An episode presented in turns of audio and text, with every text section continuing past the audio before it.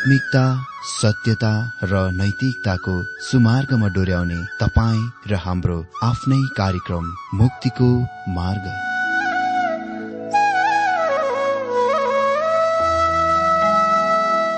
आदरणीय श्रोता यस मुक्तिको मार्ग कार्यक्रममा हार्दिक स्वागत छ। आशा छ यस आत्मिक कार्यक्रमद्वारा जीवनमा आत्मिक आशिष अलौकिक शान्ति र आनन्द प्राप्त गर्नुहुनेछ। र जीवनमा धन्य अनुभव गर्नुहुनेछ। आउनुहोस् श्रोता। मन र आत्माको तयारीको लागि यो मिठो अनि मधुर भजन गीत सुनौ।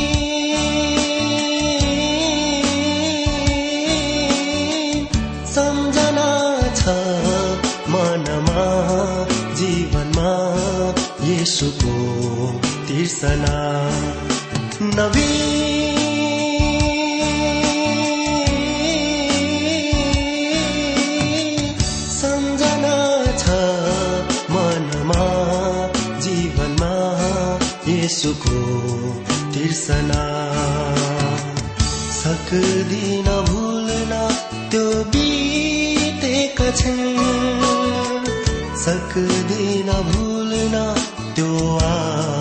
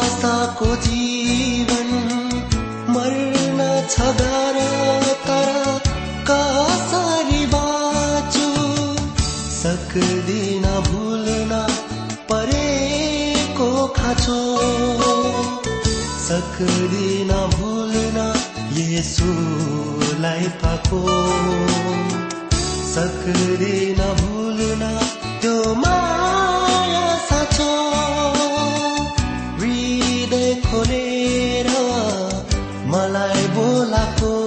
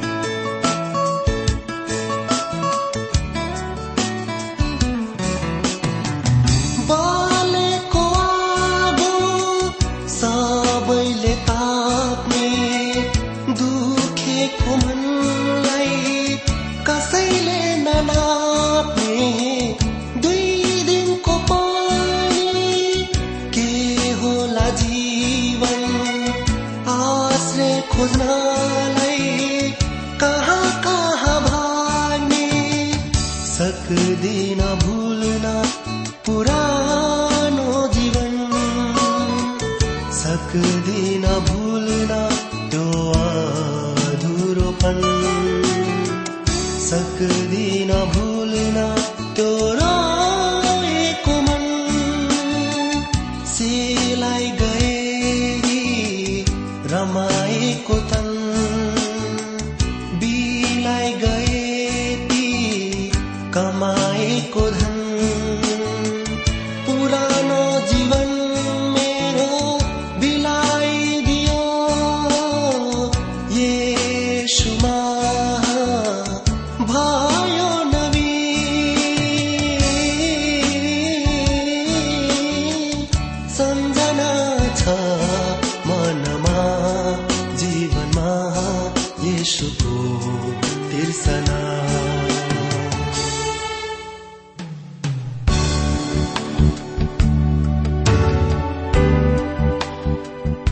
प्रिय श्रोता यो प्रसारण मार्फत यो अवगत गराउन चाहन्छौ कि प्रभुको सेवाको लागि यहाँहरूको साझेदारी नित्यन्त आवश्यकता छ। यहाँहरूले प्रार्थनाको साथसाथै आर्थिक सहायता गर्न अनुरोध गर्दछौ। तपाईँहरूको सानो भन्दा सानो भेटी किन नहोस्? हामी प्रभुको नाममा स्वीकार गर्नेछौ। प्रभुको सेवाको लागि। तपाईँहरूको यो सानो लगानीले कसैको जीवनमा भिन्नता ल्याउँछ अनि प्रभुको महिमा हुन्छ। प्रभु तपाईँहरूलाई महान गरी आशिष दिनुहुनेछ। इच्छुक श्रोताहरूले तपाईँको इच्छा भेटी हाम्रो ठेगानामा पठाउन सक्नुहुन्छ जुन ठेगाना हामी कार्यक्रमको अन्तमा दिनेछौ। प्रिय श्रोता मित्र प्रभु येशु ख्रिष्टको मधुर अनि सामर्थ्य नाममा मेरो जयमसी। अनि फेरि पनि हार्दिक स्वागत छ यो बाइबल अध्ययन कार्यक्रममा। श्रोता आज हामी बाइबल अध्ययन जकरिया एघार अध्यय पद बाह्रदेखि चौधबाट अध्ययन गर्न गइरहेका छौं। श्रोता यहाँ हामी मुख्य विषयको रूपमा देख्नेछौ असल गोठाला ख्रिष्ट। मित्र तिनीहरूका वंशमा लाइनमा एकजना आउनुहुने थियो जो तिनीहरूका मसिहा हुनुहुने थियो र राष्ट्रका अधिकांश मानिसहरूले उहाँलाई अस्वीकार गर्ने थिए इन्कार गर्ने थिए। खालि अति नै कम ईश्वरीय भक्त बाँकी रहेका इसरायलीहरूले मात्र त्यस समयमा ग्रहण गर्ने थिए। तिनीहरूका अस्वीकार र इन्कारको लागि त्यस राष्ट्रलाई दण्डित गरिने थियो।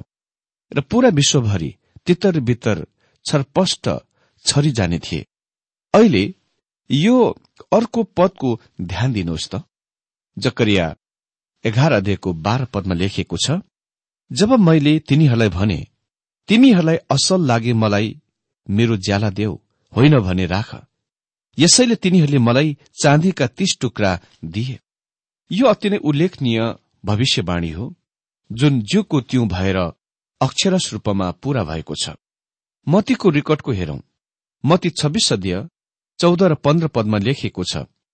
तब बाह्र मध्ये एकजना यहुदा स्कोरियती भन्ने चाहिँ मुख्य पुजारीहरू कहाँ गयो र भन्यो यदि मैले उहाँलाई तपाईँहरूको हातमा पक्राइदिए भने मलाई के दिनुहुन्छ? तिनीहरूले त्यसलाई चाँदीका तीस सिक्का दिए। त्यसै बखतदेखि यहुदाले उहाँलाई पक्राइदिने मौका खोज्न थाल्यो। यो नै ज्यालाको बारेमा जकरियाले उल्लेख गर्छन्। यो एकदम चाखलाग्दो कुरा छ कि प्रधान मुख्य पुजारी त्यति धेरै ज्याला दाम तिर्न चाहँदैनथ्यो। मलाई कहिले कहीँ यस्तो लाग्छ। यो सोच्दै कि निश्चय नै त्यति कम ज्यालामा मन्जुर हुनमा अलिकति अप्ठ्यारो कठिन भएथ्यो। यसैले तिनीहरूले मलाई चाँदीका तीस टुक्रा दिए।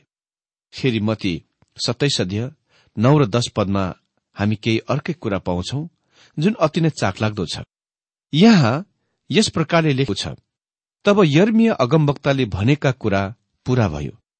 तिनीहरूले चाँदीका तीस सिक्का लिए त्यस मूल्यको रूपमा जुन इसरायलका छोराहरूले तिनीमाथि तोकेका थिए र परमप्रभुले मलाई आदेश दिनुभए अनुसार कुमालेको जमिनको निम्ति तिनीहरूले दिए। यर्मियासँग आफ्नो भविष्यवाणीको अठार र उन्नाइस अध्यायमा कुमालेको जमिनको बारेमा भन्ने अति नै धेरै कुरा छ। भनिएको छ तब मैले तिनीहरूलाई भने तिनीहरूलाई असल लागे मलाई मेरो ज्याला देऊ। होइन भने राख। यसैले तिनीहरूले मलाई चाँदीका तीस टुक्रा दिए। अनि तेह्र पद परमप्रभुले मलाई भन्नुभयो त्यो पैसा कुमालेलाई फ्याँकिदिए। त्यो बहुमूल्य दाम जो तिनीहरूले मेरो निम्ति लगाए।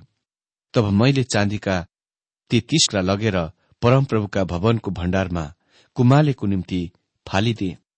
चाँदीका तीस टुक्रा। यस कुराको कल्पना गर्नुहोस् त।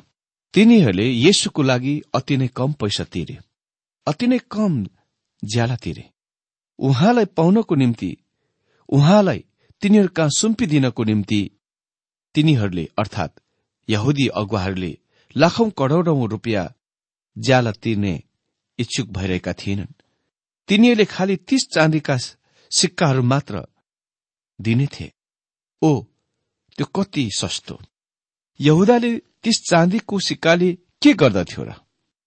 तब मैले चाँदीका ती तीस टुक्रा लगेर परमप्रभुको भवनको भण्डारमा कुमालेको निम्ति फालिदिए हजुर यसको मतलब के थियो भने सम्बन्धमा त्यता त्यहाँ असहमतिहरू छन्। विभिन्न राय र विचारहरू छन्। कोही कोही टीका टिप्पणीकारहरू बाइबल विद्वानहरू सोच्दछन् कि कुमालेको निम्ति फालिदिए। यसको असल अनुवाद चाहिँ भण्डार ढुकुटीमा फालिदिए हो। हजुर यहुदा मन्दिरमा आए र त्यस पैसा त्यहाँ फ्याँके। तर रेकर्डले भन्छ मती सतैस दिएको पाँचदेखि सात पदमा तब चाँदीका ती सिक्काहरू मन्दिरमा फ्याँकेर त्यो गयो र त्यसले झुन्डेर आत्महत्या गर्यो। तर मुख्य पुजारीहरूले चाँदीका ती सिक्काहरू लिएर भने ढुकुटीमा यो राख्न उचित छैन किनकि यो रगतको मोल हो। तिनीहरूले आपसमा सल्लाह गरेर त्यस पैसाले परदेशीहरू दफन गर्ने कुमालेको जमिन किन्ने निर्णय गरे र किने। जकरियाले पहिले भनेका थिए अनि मैले चाँदीका ती सिक्काहरू लगेर परमप्रभुको भण्डारको भण्डारमा कुमालेको निम्ति फ्याँकिदिए। त्यो कुनै आकस्मिक कुरा वा सम्झोको कुरा थिएन। यो हामीसँग शास्त्रमा भएको एक अति नै उल्लेखनीय पद हो। कुमालेको जमिन के हो? कुमालेको जमिन त्यो सम्पत्ति थियो जुन कुमालेको थियो।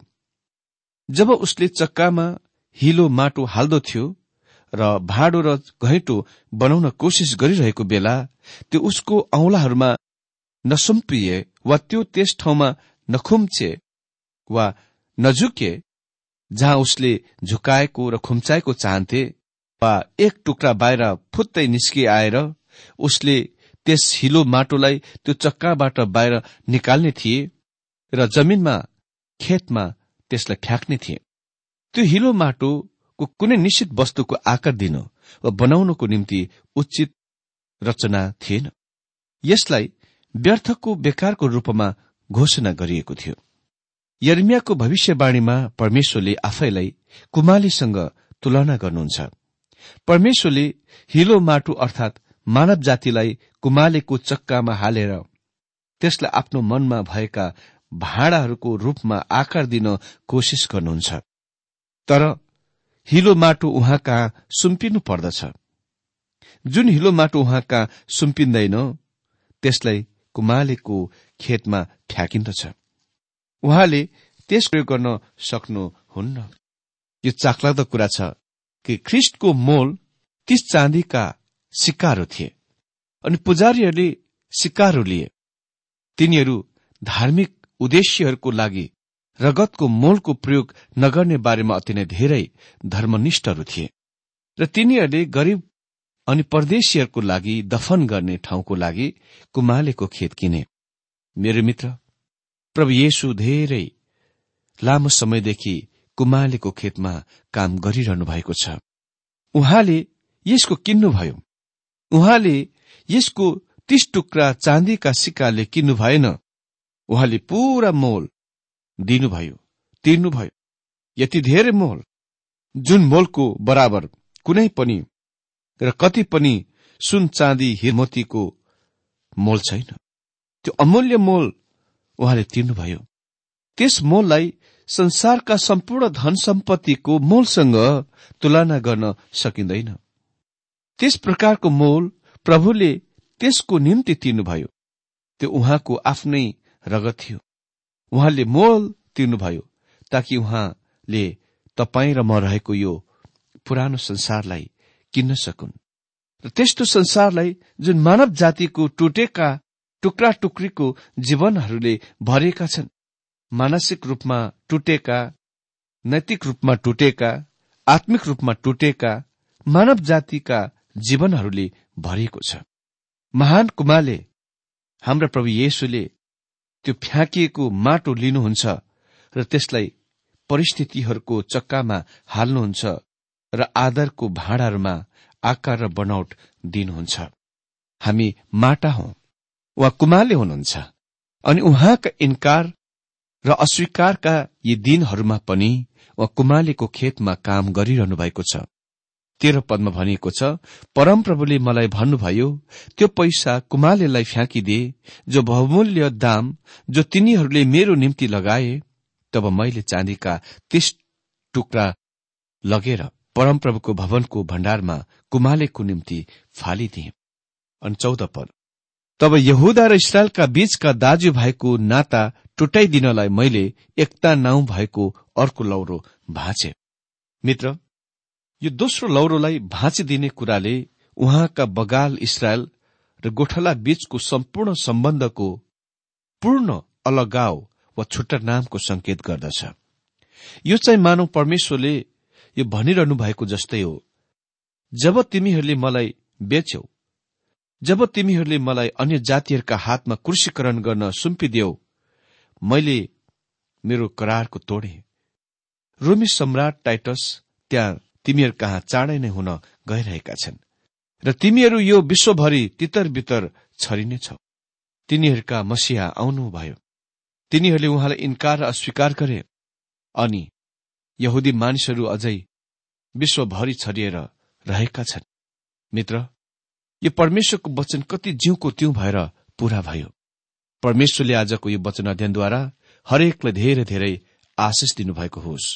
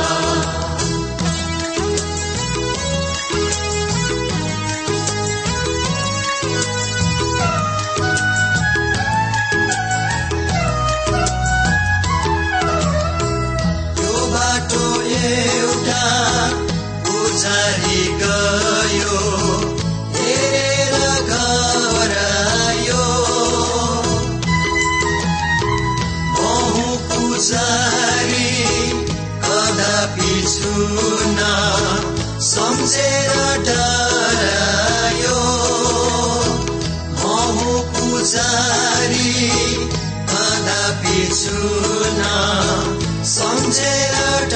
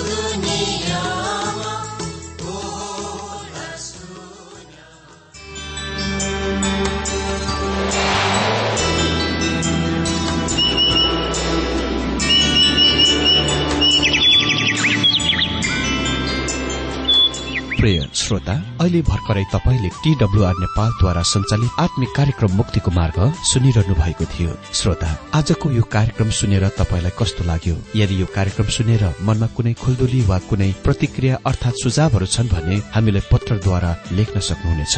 हामी हृदयदेखि नै स्वागत गर्नेछौ स्वीकार गर्नेछौ साथै बाइबल सम्बन्धित प्रचारहरू कार्यक्रम सारणीहरू हामी अनुरोधमा पठाउन सक्छौ। अनि तपाईँसँग कुनै प्रार्थनाको विषय छन् भने हामीले तपाईँको लागि प्रार्थना गरेको चाहनुहुन्छ भने प्रभुमा आफ्नै परिवार सम्झेर हामीलाई पत्रमा लेख्न सक्नुहुनेछ।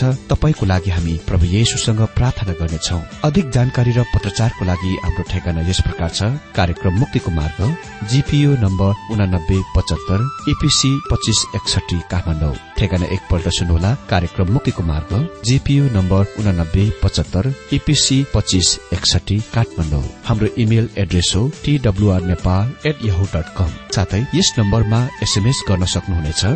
अन्ठानब्बे चार सत्तरी पैतिस छ सय उनासी नौ आठ चार सात जिरो तीन पाँच छ सात नौ। हुन्छ श्रोता आजलाई हामी विदा चाहन्छौ। अर्को कार्यक्रममा हामी पुनः भेट्नेछौ तबसम्मलाई नमस्कार।